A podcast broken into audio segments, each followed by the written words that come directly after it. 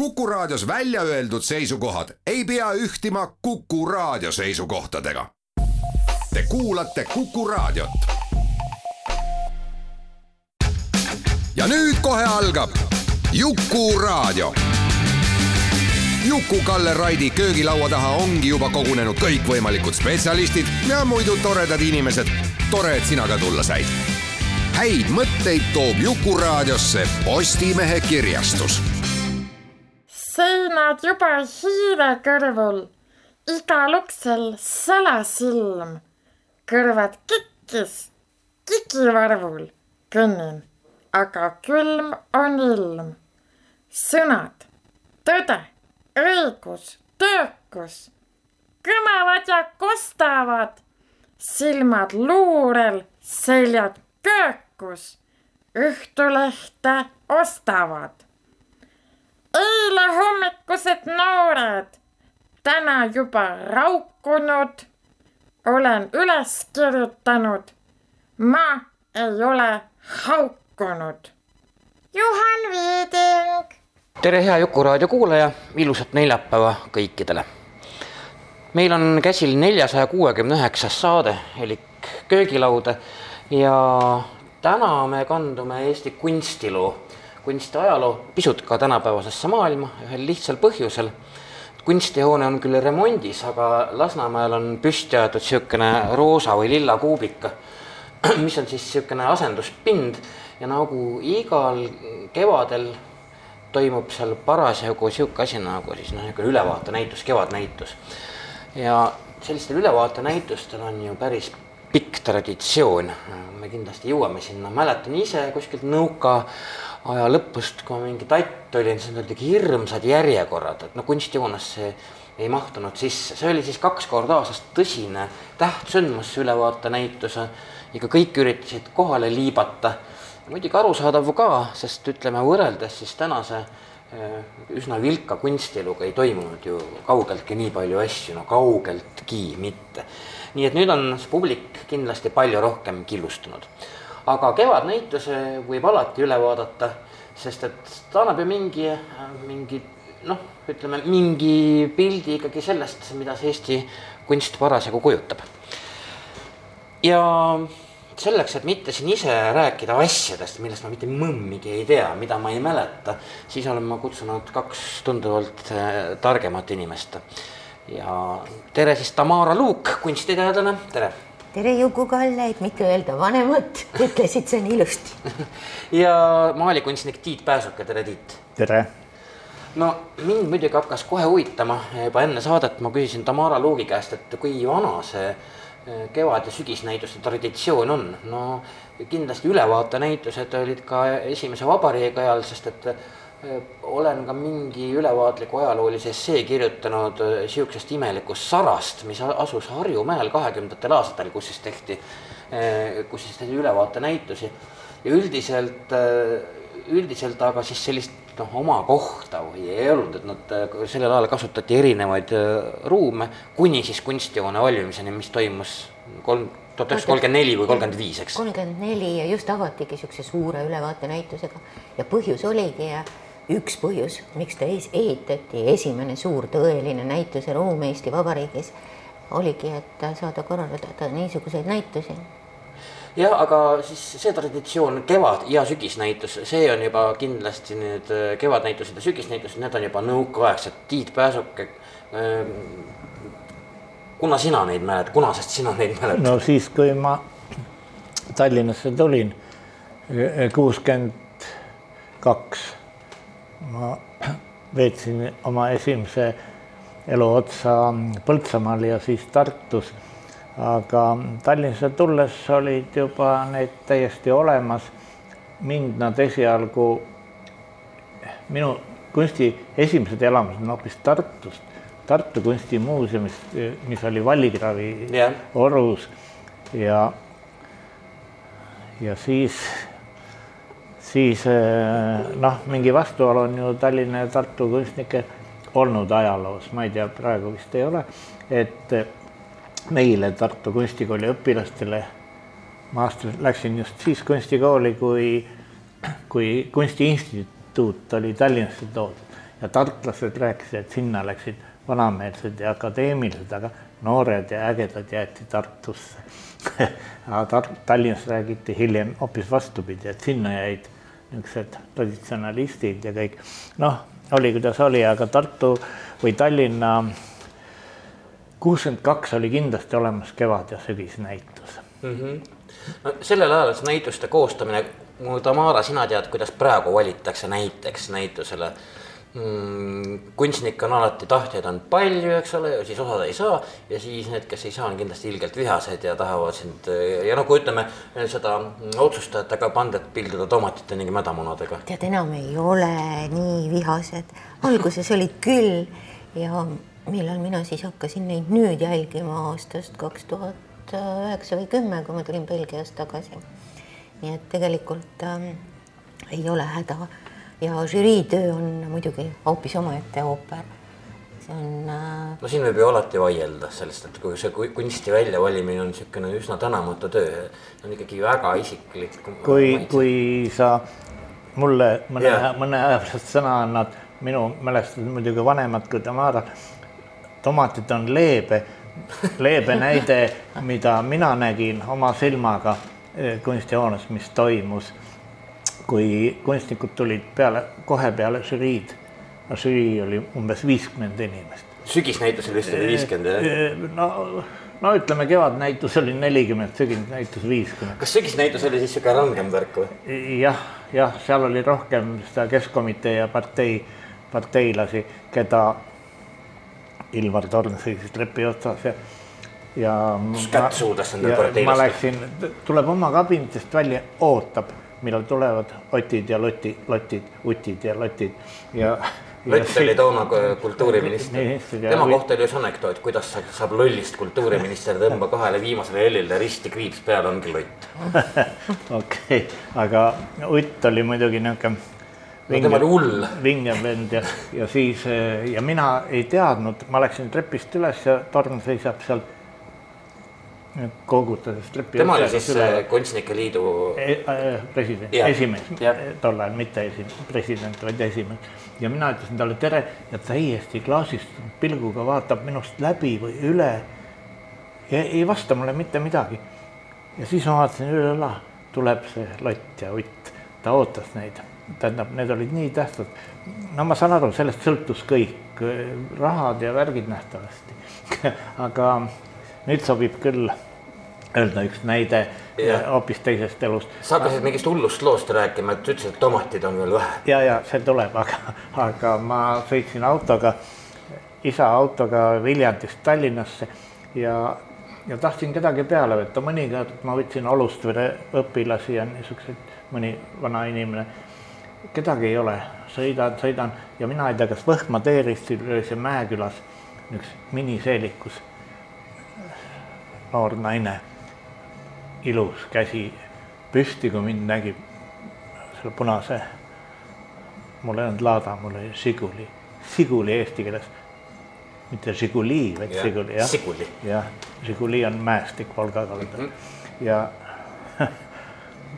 ja ma pidurdan, jään tema ette seisma, tal on ikka käsi püsti, ta vaatab üle minu, ma vaatan üle õla, must mersu seisab minu taga ja see oli täpselt nii, nagu torn ootas seal trepi otsas. sa jäid tütarlapsest ilma? ja, ja ma, nojah, ja sõitsingi Tallinnasse üksi, aga, aga fantastiline elamus ja ma mäletan tütarlast, mingi nahkseelik, miniseelik, värvitud kesksuvepäeva mm, tore näide, aga lihtsalt see tuleb, tuli, tuli mulle alati meelde, kui ma mäletan, kuidas torm mind ei näinud, vaid läbivaates jah oli tal vaja tulla oma kabinetist välja teise koridori otsa, trepi otsa juurde koogutama.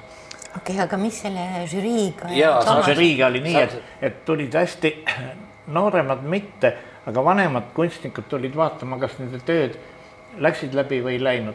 žürii oli tõesti nelikümmend, viiskümmend inimest, nii pikk, et esimene, üks ots oli suures saalis ja teised tulid sealt tagant, tilkusid järele aga need vanemad muidugi, aga seal olid ka tarbekunstnikud, seal oli erialade juhid, kateedri juhatajad ja, ja kõik, nad, neid harva said kokku, omavahel rääkisid juttu, neid ei huvitanud see, mis seal toimub.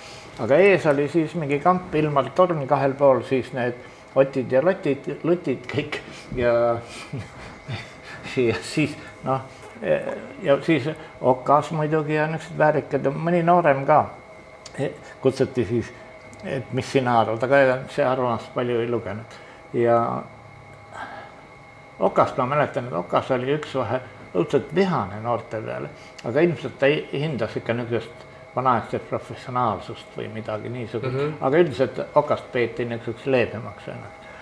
aga need olid hullud, need keskkomitee mehed nad tahtsid alati midagi öelda, rääkisid ainult rumalusi ja, ja noh, neil oli vaja õigustada seda. Selle juurde võib hiljem tulla üks. me peame ikkagi tulema tomatite ja munade juurde tagasi. ja see tomatite ja munadest rääkides, mina kuulsin kõrvalt täiesti, kuidas lugupeetud Aleksander Pilar ütles, ütles, et ega meiesuguseid ju enam siia meie tööd ei võeta.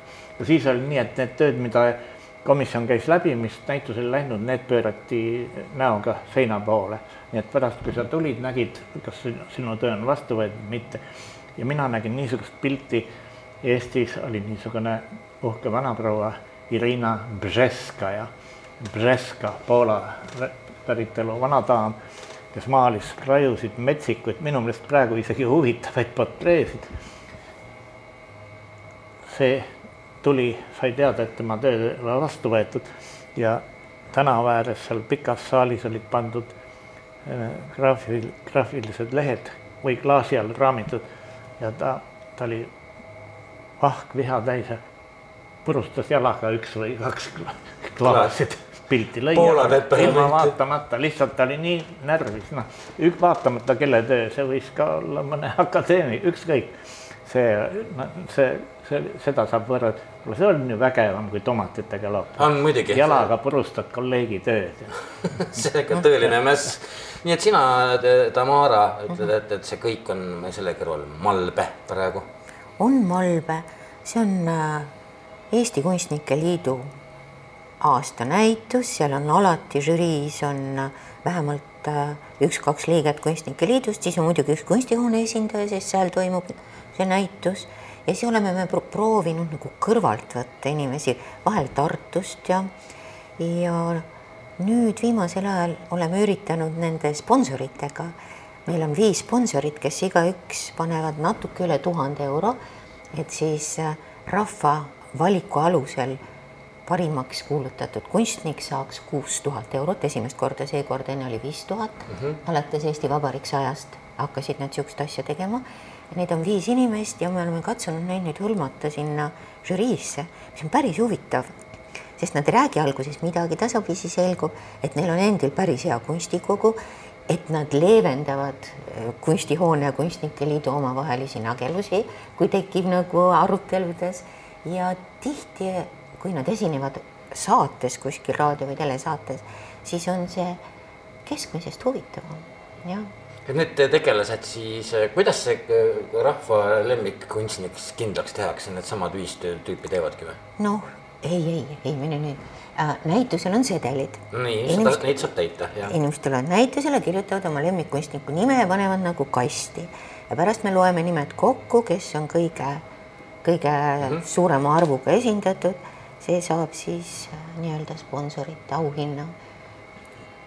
no jaa kas see nüüd, mul on kohe üks vaheküsimus, et, et meie ajal oli, äh, oli noh, niisugune kole asi, kõik see keskkomitee ja parteilased, keda kutsuti sinna Kultuuriministeeriumist kokku, et kas noh, me muidugi selja taga irvitasime, naersime, aga neil oli mingisugune mõjujõud ja ja ilmselt sealt sõltus ka rahad või jumal teab, mis asi, mina seda ei tea, aga kas nüüd nüüd siis neid asendavad ärimehed ja, ja sponsorid, kes hakkavad dikteerima, millis-, milline kunst on hea ja milline halb. Nad ei dikteeri üldse, aga täpselt sama asja peale olen ma mõelnud jah, et seesama niisugune äh, majanduslik äh, võim on äh, asendanud äh, selle tsensuuri mingisuguse võimu, aga mitte selles, selles mõttes, nagu sina püüad praegu mulle juttu rääkida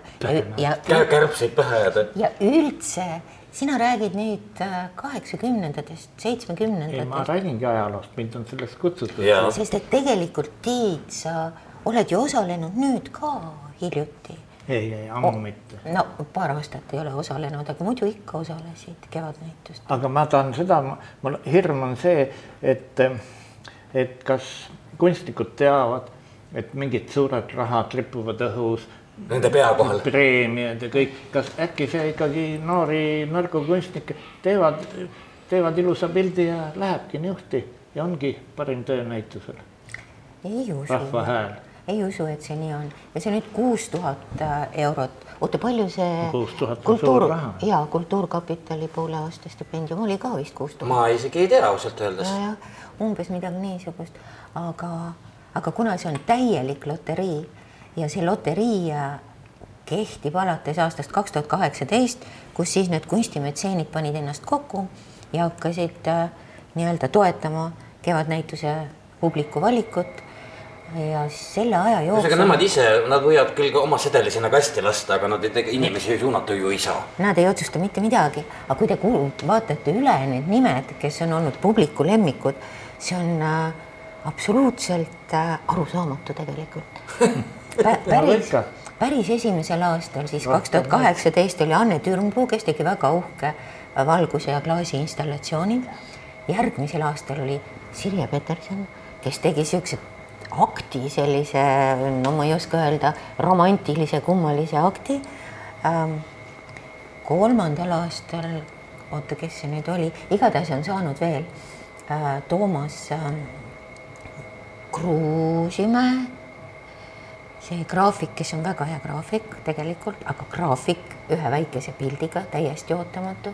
siis on saanud ähm,, oi, ma pean nüüd mõtlema. see ei ole No üldse see- aga see- lähme, lähme Tiit niikaua kui, niikaua kui Tamara mõtleb, Mõtle. mõtleb ja niikaua mõtled olevikust, räägime meie minevikust. räägime minevikust nii kaua jah, et, et no sa siin mainisid, eks ole, sedasama asja, noh, me räägime võimust ja vaimust või siis ka rahvast ja vaimust tänapäeval rohkem võib-olla.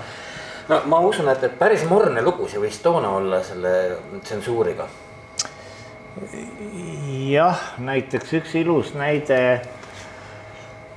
mis puudutab minu sõpra ja Urmas Ploomipuud oli see, et ta on elus teinud loetud arv maale, neli õlimaali,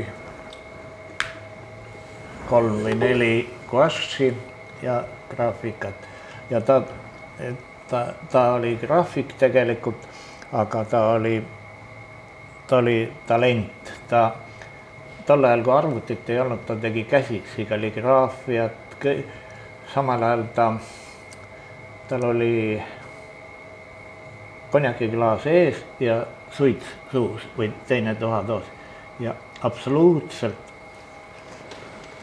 kindla käega, kas ta siis kirjutas midagi või joonistas, aga ma räägin ühest maalist, selle maali nimi see on tehtud tuhat üheksasada kaheksakümmend üks.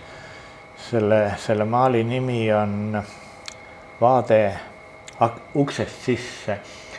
sellest on kirjutanud eh, Tõnis Saadoja väga delikaatselt oma raamatus nimesid nimetamata, mis sellega žüriis juhtus, aga sellega aga nimetame nimed ära. aga ma olen jah, ma olin sa- täiesti juhuslikult selle hetke tunnistaja. žürii venis ja venis, esimesed vaatasid suure saa- saalis pilte, keskmised rääkisid oma perekonnajuttusid ja tagumised tilkusid, kes tahtsid kauem vaadata, vaadata, need jäid kohe žüriist maha. mina olin kõige viimane seal žürii lõpus.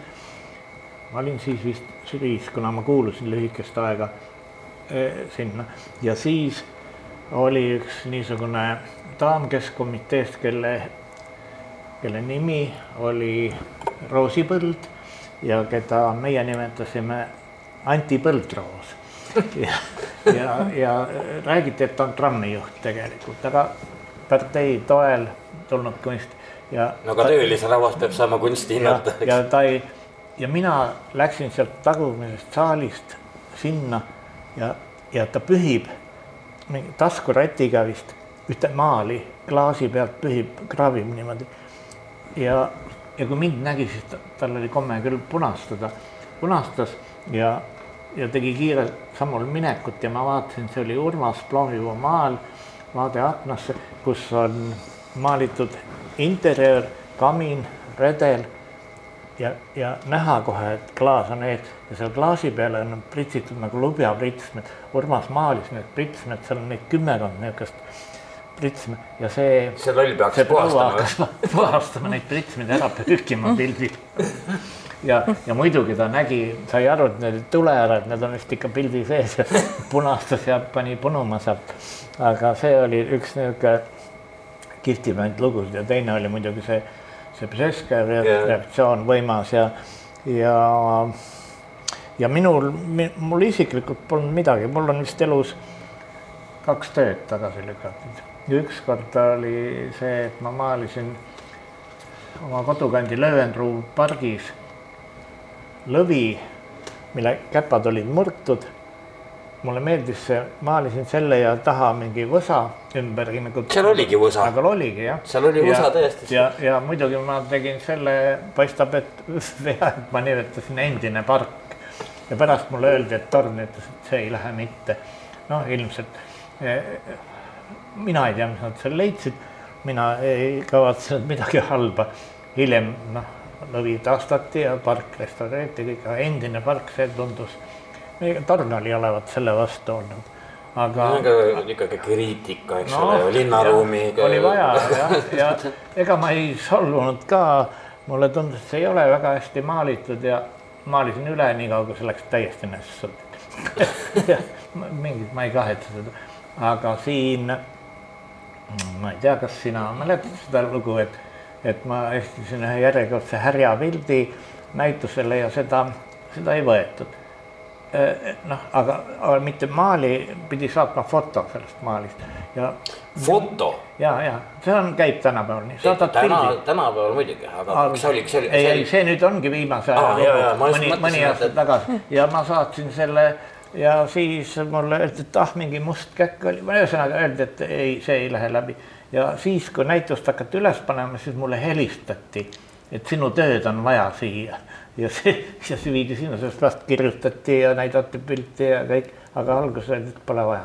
no ühesõnaga, See- kõik on tühi see ei puutu, see ei puutu üldse maalimisse kui protsessi, see kõik on niisugune jama. noorena see on õudselt tähtis, aga, aga mulle nüüd ainult see teeb nalja, noh, et niisugused asjad, see ei muuda ju mitte midagi. sina ju liialdad alati natuke. see on nagu äh, Aamen kirikus. sina ise ütled, et mu tööd ei võetud vastu. ähm, jah, aga pärast vaadati üle kogu see näitus ja pärast tehti uuesti nagu see valik. ega see, ega, ega, ega seal ei ole ühte ringi ainult Aa, seal no vaidlemisel tekib mingisugune, aga see, mis ma, laske mul nüüd üles loetleda kõik need inimesed, kes on tuli saanud meelde? EA äh, kõige viimane eelmisel aastal sai Mauri Kross ja enne Mauri Krossi oli äh, Toomas Kuusing ja enne Toomas Kuusingut oli Erkki Kasemets ja siis kõik on head kunstnikud, jah. oota, aga siis oli Sirje Peterson ja kõige esimene oli siis äh, see Türn. vot hmm. need on siis saanud selle preemia ja tõesti, see on, see on stiimul, aga, aga see ei ole nüüd midagi niisugust, et keegi hakkaks selle pärast ainult maalima. tänapäeval on see situatsioon nii pagana teistmoodi, et, et kui sa siis ikkagi, kui sind siis ikkagi kevad- ja sügisnäitusel ei olnud, no see oli ikkagi jama, aga noh, praegu on tõesti ju näituseid on võimalik ise teha, galeriisid on meeletult palju, et lõppkokkuvõttes. ja sa, sa ei pea, selleks, et näitusel esineda, sa ei pea kunstnik olema. Isegi. ei pea muidugi. ja, ja aga, aga see on tohutu kontrast, ma mäletan täpselt viiskümmend viis aastat tagasi, kui Lepo Mikko ütles, et viime su töö, ma olin kolmandal kursusel, viime näitusele, ma ütlesin üliõpilasele, me ei saa ju midagi teha, ütles küll, ma ajan asja korda. kõigepealt, eks oli, läks siis rektori juurde, Jaan Varese juurde, Vares ütles, et olgu, siis mindi selle pildiga, ma ei tea, kas pildiga või kõnega, jutuga torni juurde, torn ütles, et no olgu, teeme erandi poisile ja, ja, ja ma olin kolmandal kursusel ja ma tean seda tööd siiamaani, mäletan, aga ma ei tea, kus ta on, et eh, et see oli ime, et noh, sa pääsed näitusele niisuguse läbi see kadali. tekitas kindlasti musta kadedust sinu, sinu kaasüliõpilasest. ei, ma suhtlen, mu kaasa, mul on üks üliõpilane, kaasüliõpilane veel elus. Eile kohtusime temaga, ta elab Soomes. ei, ei midagi. minu meelest me suht-, noh, aga teisi ei ole enam mina No tean hoopis ilusamat juttu, sest Tiit on seda juttu mulle rääkinud, kuidas nad Lepo Mikkoga viisid tema töönäitusele ja see oli väga ilus jutt. sina olid äh, Lipp Mikko ütles seda. Jaa. ja seda, noh, ma ei saa. see oli, see oli imeline jutt ähm,. Tiit oli teinud oma järjekordse kaunitari ere punase suuga ja Lepo Mikko viskas pilgu peale, ütles kurat, ma peaks ka hakkama niimoodi maalima.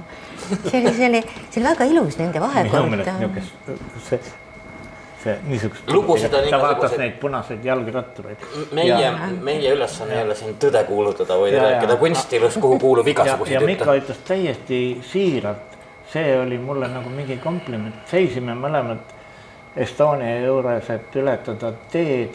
Minul oli pilt käes, see oli pakkimata, tol ajal mullikilet ei tuntud veel, see oli leiutamata ja, või vähemalt nõukogude või siin seda ei ja, olnud. ja Lepo Mikk tõesti ütles, et ma peaks ka ennast muutma. hääles oli mingi traagika, mulle ei meeldi see, see oli nii südamlik kokkuvõttes, noh, mida võib eluaeg mälestada. muidugi ma, meie, me ei ole siia tulnud, et Lepo Mikast rääkida, aga, aga, aga kui ma ütlen, et ma mäletan koolis, ma ei tea, milline õppejõud see oli, kes ütles mulle, et tehke see ära, tehke nii, nagu me tahame, aga siis unustage kõik see, mis koolis sa oled, teed, unusta ära. Unusta kiirelt ära. Jah.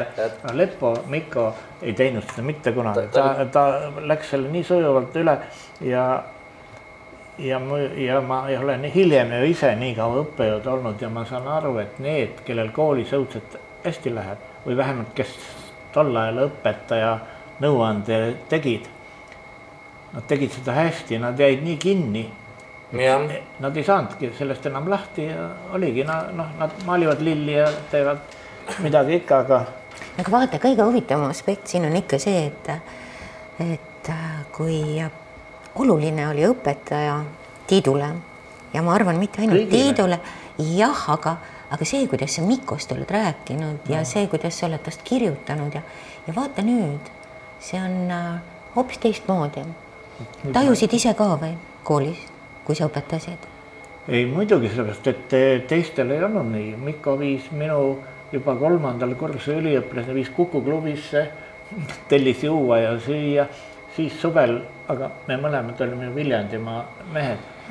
Mina sõidutasin teda loodi seal met-, Kanaküla metsades, et ta oli, ma olen kunagi sellest kirjutanud niisuguses heldimuse hoos, et ta oli mul nagu teine isa, ta oli mu isa vanune ka mm -hmm. ja, ja ma arvan, et mul õudselt vedas temaga, et, et kõigil ei olnud, minu kursusekaaslastel eh, ma rää- ainult Saskia oli see, kellele ta andis vabad käed, aga teistel põhjustel. Mikko sai aru, et mina olen, õpin tema käest midagi, aga Saskia Kits, tolleaegse nimega.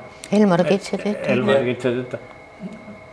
aga noh, Elmar Kits ja Mikko olid mõlemad Pallasel nagu kursakaaslased või sõbrad omavahel ja, ja ta nägi, et Saskiat ta ei saa murda, et Saskia on nii kõvad isa ja ema geenid ja, ja, ja Lepo jättis meid mõlemaid rahule. Aega ainult natukene, me rääkisime hoopis muudest asjadest, aga see ei olnud nagu klassikaline õpetaja, õpetamine ja see oli, kujuta ette, see olid ikka, see oli kuuekümnendatel aastatel mm, -hmm. et äh, lasi Saskial teha, mis tahab ja minul ka, aga, aga ta õpetas kuidagi teistmoodi mm. -hmm. jutt, saime kokku, seal oli, eks ole, Vanapa tuli ja, ja veel teisi tema sõpru ja siis ma kuulasin, mis nad räägivad, kõik see Kukusse viimine, Saskiat ta kutsus ka Kukusse mm. -hmm. Saskia. no Kuku klubi oli muidugi siis jah, juba tehtud. see oli juba niisugune no kujuta ette, sa oled kolmanda kursuse üliõpilane, lähed, sind viiakse Kuku klubi jumal. vaatad, mis ümber on. see on žest kunstiajalugu ümber. muidugi, kuulge sõbrad, et me teeme ühe pisikese pausi. Me räägime kevadnäitusainetele, mis on siis äh, mitte enam kunstihoones, mis on remondis Vabaduse platsil, vaid Lasnamäel selles lillas või roosas või pagan teab mis värvi kuubikuse asenduspinnal. me räägime põhi, me ei jutusta selle aasta kevadnäitust ümber, jumal küll, minge ise vaatama, kelle, keda see huvitama peaks. aga, aga me siin neljasaja kuuekümne üheksandas köögilauas räägime siis kunstiteadlase Tamara Luugi ja moodikunstnik Tiit Pääsukesega. Noh, sukeldume vähekene mingitesse Eesti kunsti vanematesse ja meeldejäävamatesse episoodidesse lihtsalt. me teeme nüüd pisikese pausi, ma toon džinni ja Calvados siit juurde, me oleme kohe tagasi. Te olete Kuku raadio lainel ja kuulate Jukuraadiot. häid mõtteid toob Jukuraadiosse Postimehe kirjastus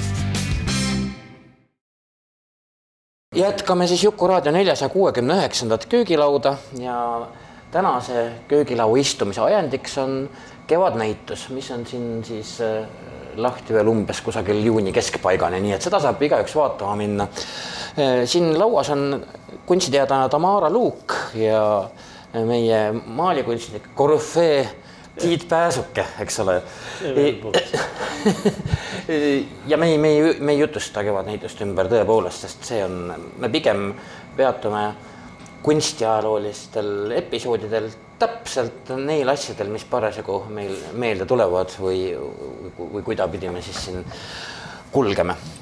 no Kunstnike Liidus ma tahtsin tulla korraks põgusalt, Kunstnike Liit oli üks kuni viimase ajani üsna üks kummaline organisatsioon, sellepärast et kõik teised loomeliidud, eks ju pidasid äh, ikkagi esimese vabariigi aegseid äh, loomeliite enda eelkäijaks, aga Kunstnike Liit justkui oleks tekkinud seoses Nõukogude võimu viljastavate tingimustega, mis ometi nii ei olnud. Ja ma mäletan ka, et, et äh, Tiit, sina võtsid selle kohta ikkagi üsna vihaselt sõna, no see kiri on ka nüüd no, mõni number keskuses aga... ära trükitud. asjalikult jah, jah, et noh, hiljem tuli välja, et et see olnud mingi uudis, kõik teadsid, kõik tahtsid seda, aga igalühel olid omad põhjused. Elken arvas, et Pääsuke ei tea pooli asju, et ta on lihtsalt loll. järgmine president, see on väga vana lugu, ma, ma jaurasin sellega tükk aega. järgmine president mul oli leebem minuga juba minu õpilane, ütles, et kuule, Tiit, ma ütlen sulle ausalt, ma ei taha selle asjaga hakata, sellega on nii palju jama. seda pole vaja, milleks meil seda vaja on ja oligi kõik ja siis, siis te olete juba ise lugenud seda, kui tuli kolmas naispresident ja ma ütlesin, et tee nüüd see ära. ja see oli kõigil mõttes, aga see oli ainult viitsimise asi, mina ei usu, et nad midagi kartsid või midagi aga, aga see on nii tülikas ja aga, aga mulle öeldi ka, kuidas need kõik loomeliidud, need sel hetkel, kui tuli uuesti Eesti aeg tagasi, seadused, kõik oli vaba, nad lihtsalt ütlesid, et me tegime nii ja tegime nii, aga Kunstnike Liit jauras oma juristidega, maksis neile nähtavasti väga palju. Nägi, nägi vaeva. Kolm aastat et, et tõde päevavalgele tuua. nojah, nüüd on see ära tehtud. ja nüüd on tehtud ja mina ja sina kirjutasid oma lehes muidugi nagu, nagu mingisugune mälestusjutt. see asi oli juba sel ajal tehtud ja, ja pole ja. mõtet enam sellest rääkida, kõik on korras, kõik on okei. praegu on jah nii, et me räägime ikkagi enam-vähem aastast tuhat üheksasada kakskümmend kaks. president, president tuli ja ta, ta tuli, pidas kõne sellel, sellel suurel Äh, koos olemisel ja ütles, et ma olen esimest korda äh, ühe loomeliidu juures, kelle eelmine juubel oli noh, mingi seitsekümmend viis või midagi. ja, ja nüüd on äkki sada. ja nüüd on, nüüd on sada üks. sada üks ja kaks tuhat kakskümmend kolm on sada üks. sada me magasime siiski maha. jah, see oli, see oli eelmine aasta. see võttis aega, võttis aega. ja siis mul oli seal üks vihje veel Laapin, Laapin muidugi tahtis, et Kunstnike Liidu selle aluseks oleks Eesti kujutavate, kujutavate kunstnike rühm või niisugune, noh, kõigil, aga see noh, paljud ütlesid, sellepärast oligi seda raske teha, et Eesti kunstnikud ei saanud ise kokkuleppele ja neid organisatsioone oli palju, aga no olgu, see on tehtud ja. no seal on jah, kahe, kahekümne teise aasta märtsis oli see kujutavate kunstnikute keskühingu äh, loomine. no see saigi, see saigi. ja siis kümme aastat hiljem oli seal juba kolmkümmend kuus kunstnikku, seal oli Ants Laikmaa ja Kristjan Raud ja Eduard Viiralt. kõige nõmedam kamp olid need seltsimehed, kes Jaroslavi läksid, seal isegi mõnest ei, ei teagi mitte midagi muud, kui ainult ta oli liidu loojate hulgas. aga, aga aga see on siis jah, teise maailmasõja ajal nii-öelda Nõukogude tagalast tehtud. jah, aga tagalasse viidi niisugused ustavad inimesed. no jaa, sest et meil kolmkümmend, kolmteist, kolmekümne teisel aastal oli jah, ma rääkisin, et ja siis Eduard Ole, Jaan Koort, Günter Reindolf, Eduard Taska, Adamson, Eerik, noh ja nii edasi, nii edasi, et, et need, need, see oli ikkagi väga vinge eh, kooslus, kooslus tol ajal. ja oligi niisugune periood, et ei tea, kas Viirat oli kunstnike liidu liige, kas või kas Raud oli, nagu ei ole ametlikult Kunstnike Liit on palju hiljem loodud, no ühesõnaga niisugune jama, aga mis sellest ikka tagantjärele, nüüd on see asi tehtud ja, ja, ja kõik on õnnelikud. ja ma arvan, ma arvan küll ja Tamara Luuk muuseas siin vahepeal suitsunurgas me arutasime, et nüüd küsime sinu käest, kuna meil on aineseks on just kahe tuhande kahekümne kolmanda aasta kevadnäitus sunnib meid ajalukku vaatama. Äh, räägi oma suhetest kaasaegsete autori ja kunstnikega, Tiit Pääsuke. ma ei saanud su küsimusest aru. ma räägin kaasaegsest kunstist, milline on sinu suhe sellega? sa oled ise ka kaasaegne kunstnik, kuna sa maalid. no kuidas on, saab olla viiskümmend viis aastat maalida ja olla kogu aeg kaasaegne? millal ma olin ka, ma arvan, et ma olin, mis sina, Tamar, ma arvan, et mingi seitse, kaheksakümnendatel ma olin ka, tänapäeval ma ei ole kaasaegne, kindlasti mitte. kuule, sellega oli ka ju tohutu vaidlus, oli kaasaegne ja oli nüüdisaegne. Ja see tekkis suuresti siis, kui Marek Tamm kirjutas äh, selle kohta, miks kaasaegne kunst on äh, sedavõrd äh, vaakumruumis publiku poolest ja kommunikatsiooni poolest. Ja Tõnis Tatar kirjutas sellest ja, ja siis ta tegi ettepaneku et kaasaegne kunst on üks osa, osa nüüdiskunstist. et nüüdiskunst on kõik, mis nüüdisajal toimub no,. mis on ju loogiline. ja, ja kaasaegne kunst on see. sõnadele, mis seal vahet on no,, kaasaegne. kaasaegne on see, mis tegeleb nii-öelda tänapäeva probleemidega kontseptuaalselt nagu. no see on ju õudne, vabandust väga, et mina kui kunstijuhik võin seda vabalt endale mm. lubada, et, et, et kartmata, et ma ennast ise tsenseerima hakkan siin saates. mis sulle ei meeldi? No mulle ei meeldi see liigne kontseptuaalsus, kus on nagu, kus sa pead lugema neli korda läbi mingi A4 ja siis vaatama mingit tüüpi, kes ämbrisse kuseb. no see on, see on justkui kaasaegne, siis ma ei tea, juhib tähelepanu mingitele ajalehes leiduvatele probleemidele. kujuta ette, kui õudne on kunstniku elu, kui ta elab ja maalib kaasajal, öeldakse, et sa ei ole kaasaegne ei kujuta ette. see ei ole ainult meie vaidlus, see on äh, igal ei, pool tean, maailmas ära toimunud. praegu lihtsalt äh, räägime. kuule ja niivõrd äh, lahket ja niivõrd kena ja üksmeelset perioodi nagu praegu on, mina ei, lähiajaloost küll ei mäleta. kas see ei ole ohtlik kunst ähm,? ma ei tea. niisugune leebe tee kõike, mis tahad, kõik on vaba, see on nagu Soome. ei, ma ei mõtle seda, et tee kõike, mis tahad. Soome kunstikool Maa, mis lõppeski sellepärast, et kõik tegid, mis tahtsid mingeid reegleid ei olnud. oota, alles sa lõpetasid, et äh, Lepo Mikko oli sinu vastu eriti hea, kuna ta lubas sinul ja Saskia Kitsel teha seda, mis te tahate ja teistel mitte. Tiit. ta kontrollis seda. hoopis huvitavam on see jutt äh, äh, mida me sinuga põgusalt praegu siin puudutasime, enne kui mikker külge pandi, oli see, ma küsisin su käest, äh, et kuna õpetaja ja õpilase vahekord ei ole ammu see, mis ta oli sinu ajal et miks sa arvad, et Tõnis Saadoja kirjutas raamatu Urmas Ploomipuust? Ähm, ja sina ütlesid, et see oli hingeline side, vot, vot see õpetaja ja õpilase suhe käib tänapäeval kuidagi teistmoodi, see nagu, ah, ta nagu valitakse, ta valitakse inimese suhtluse hoopis millegi äh, väga isikliku kaudu, mulle tundub. et Aga..., et see oli väga hea raamat ju see ei muidugi ja peale selle saadaja pole ploomipuud kunagi elavana näinud, täiesti võõras, aga, aga väga hästi tehtud. aga ma tahan seda öelda, et ka sel kaugel ajal, kui mina olin õppejõud, oli täpselt samamoodi, et kuule, grupp on suur, sul on, sul on, mina ei tea, kümme, viisteist üliõpilast. mõnest on kohe näha, et teda ei huvita see asi, mõnel on muud, aga mõnel on mured, mõnel on lapsed, mõnel on perekond, mõni peab tööl käima. ja, ja ma arvan, et kui kümnest inimesest kolmel saad niisuguse kontakti, et sa hakkad, pühendud ennast temale ja kui sealt kolmest tuleb üks, kes saab kunstnikuks, siis õpetaja on õnnelik.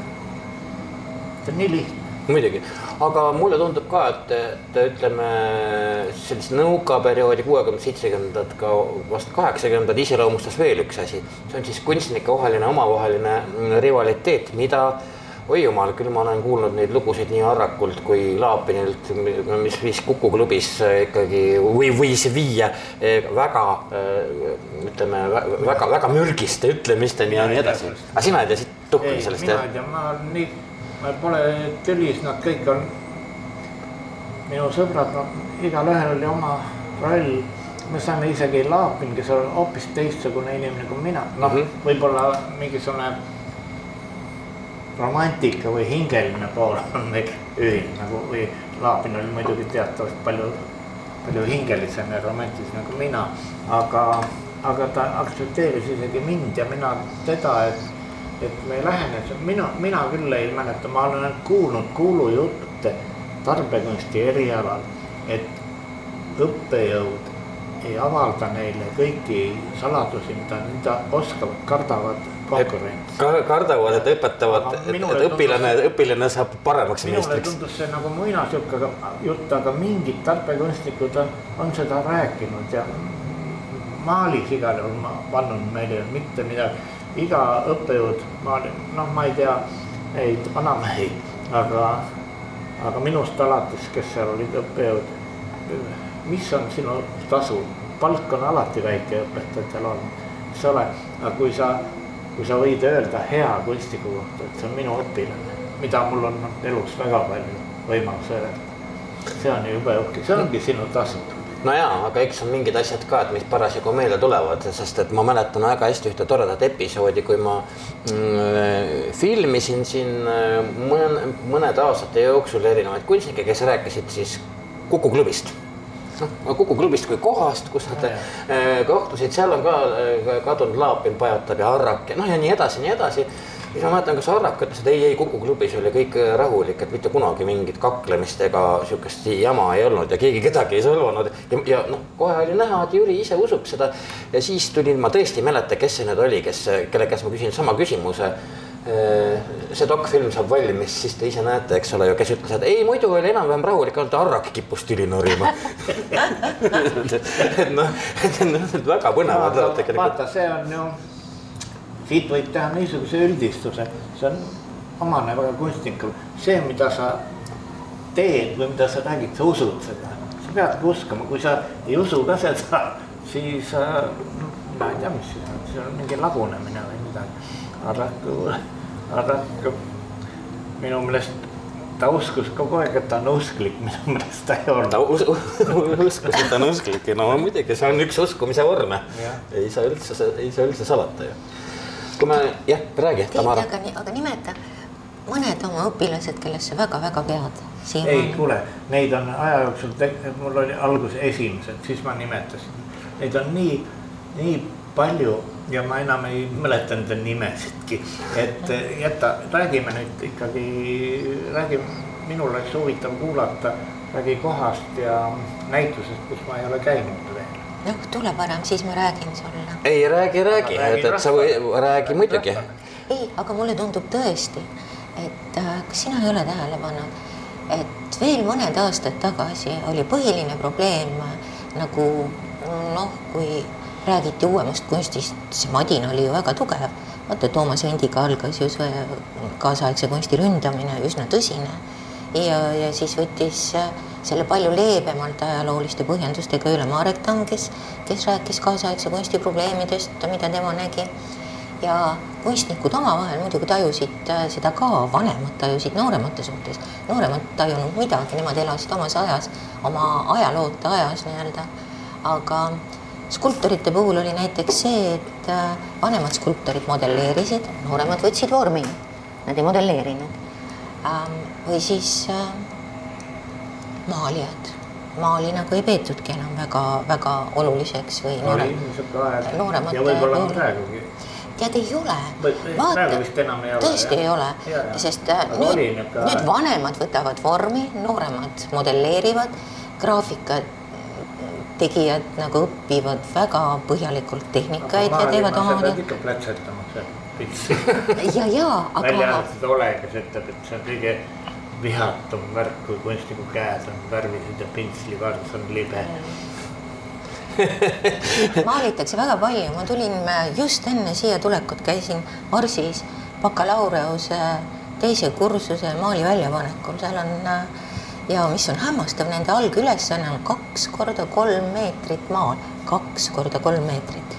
mul tuleb meelde kunagi Jüri Kase jutt, et hea maal on siis, kui sa teed väikese visandi, mõni sentimeeter visandi ja kui sa kannad ta üle suurele pinnale. Ja ta kannab välja. ja kompositsioon ka, ka kannab välja ja, ja nüüd antakse kompositsioon ja kannab automaatselt välja, muidugi siin on fotomõju ja siin on mingisugune, aga, aga üldiselt maali tehakse ja tehakse päris ma huvitav. mäletan ühte eh, noor Nageli diplomitöö, minu meelest see oli. Lemming Nagel.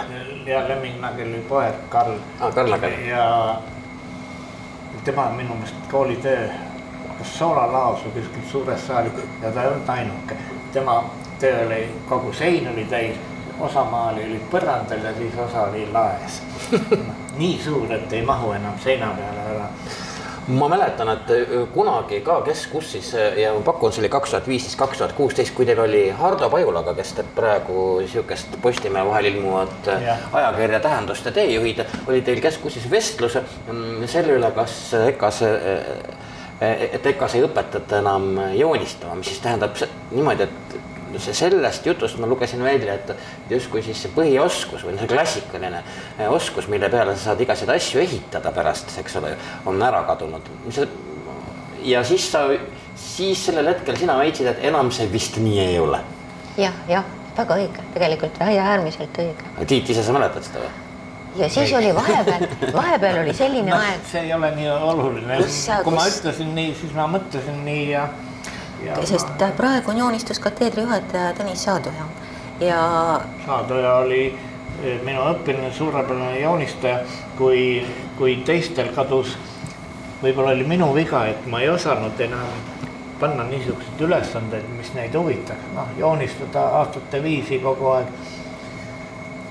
aga nüüd see, see tänapäeval ka mõnevõrra tuntud kunstnik, tema lihtsalt ei tulnud enam tundi, tema nime ma ei nimeta, Saadoja.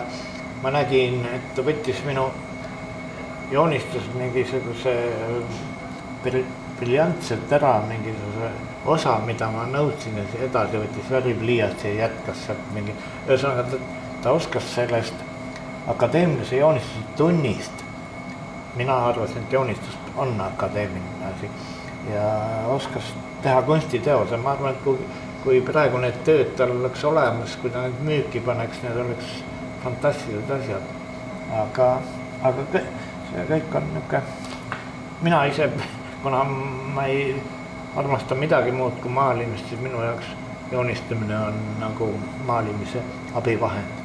aga samal ajal abiratas. jah, noh ja, ja aga nüüd ma näen, et joonistamisest võib ka kunstiteose teha ja, ja ühesõnaga ma arvan, et ükskõik kui palju me kunstist räägime, see asi läheb, me ei, me mäletate, ei oska neid asju paika panna. no muidugi. mäletate veel äh, noh, kümme-viisteist aastat tagasi oli üsna tugev tendents, praegu veel suhteliselt noored kunstnikud, noh näiteks Laura Põldvee, nad lõpetasid Tartu, see oli äh, siis Tartu Filosoofia Teaduskonna juures asuv maaliosakond, lõpetasid Tartu, kus neile õpetati niisugust äh, maalikunsti, mida võiks nimetada natuke tartulikuks või kui noh, selline pallaslik või Pariisi koolkond või ähm, ja siis tulid Tallinnasse ja siis said nad niisuguse väga teistsugune, teistsuguse TAF-i kaasaegses maailmas läbilöömise äh, märgi all kulgeva õpetuse.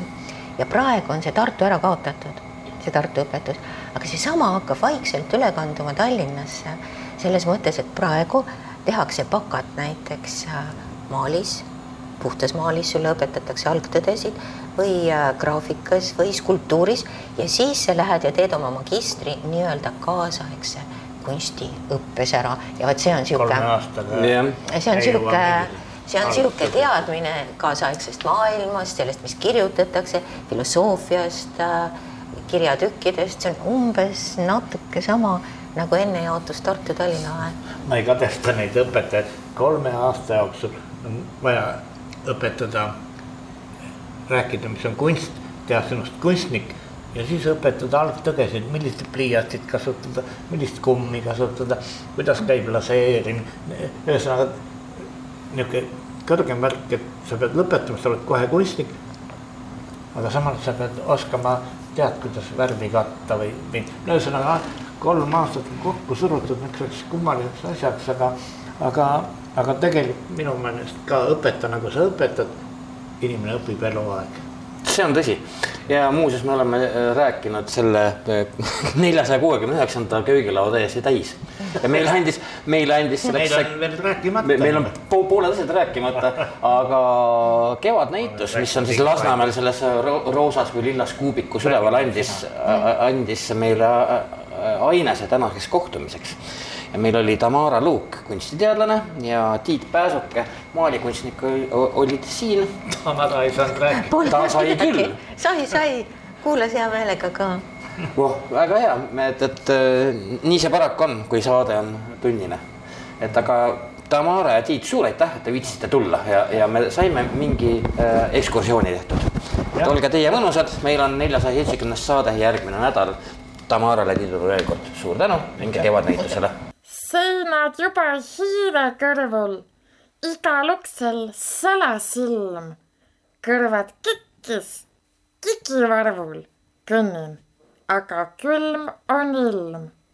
sõnad, tõde, õigus, töökus kõmavad ja kostavad, silmad luurel, seljad köökus, õhtulehte ostavad eile hommikused noored, täna juba raukunud, olen üles kirjutanud. ma ei ole haukunud. Juhan Viiding. häid mõtteid toob Jukuraadiosse Postimehe kirjastus